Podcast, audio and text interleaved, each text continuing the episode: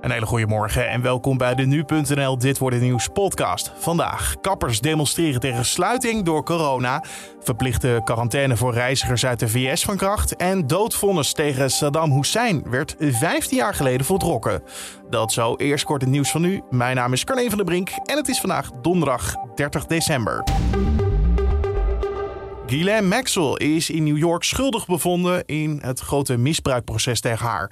De jury acht bewezen dat de ex van Jeffrey Epstein jarenlang meisjes ronselde voor hem. Epstein liet zich masseren door de meisjes en daarna misbruikte hij ze. Volgens de aanklager waren Maxwell en Epstein partners in crime. De rechter moet nu bepalen wat voor straf ze krijgt.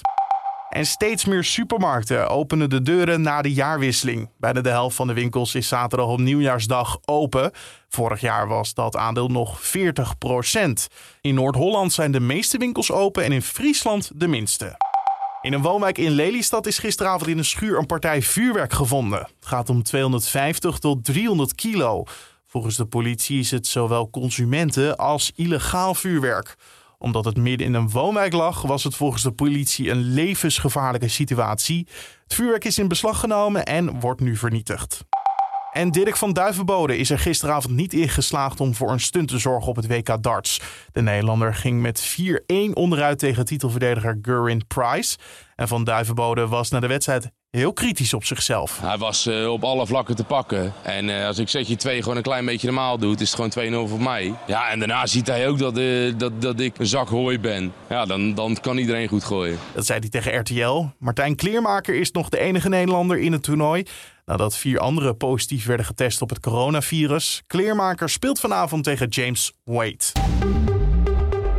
Dan over naar de dag van vandaag, oftewel dit wordt het nieuws. Een aantal kappers in Nederland gaan demonstreren voor de deur van hun eigen kapperszaak. De kappers zijn boos over de verplichte sluiting en willen dat ze weer open mogen voor hun klanten.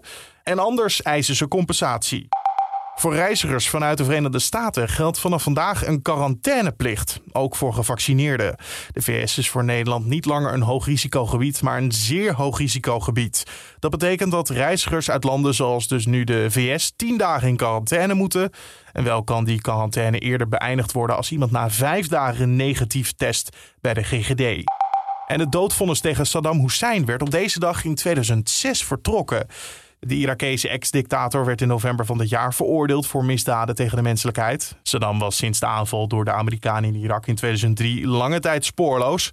En hij werd later dat jaar nog gevonden en uiteindelijk door een Irakese interimregering veroordeeld. Tot zover de agenda. Dan het weer. Roosbijn Knol van Weerplaza. Het is nog altijd zeer zacht voor eind december. En de temperatuur komt vandaag tussen 13 graden in het noorden tot plaatselijk 15 graden in het zuiden van het land uit. Nog nooit eerder was het in deze periode van het jaar zo zacht als vandaag. En daarbij is er wel veel bewolking aanwezig. En vooral in het noorden en midden van het land kan het af en toe even flink regenen. In het zuiden is het overwegend droog, maar kan ook af en toe wel wat lichte regen vallen.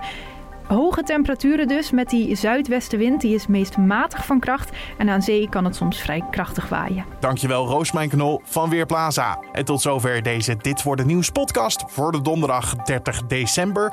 Dank voor het luisteren. Tips, feedback zijn altijd welkom. Uh, die kan je mailen naar podcast.nu.nl of je kan een recensie achterlaten bij Apple Podcast. Mijn naam is Carne van der Brink. Maak er een mooie dag van en tot morgen.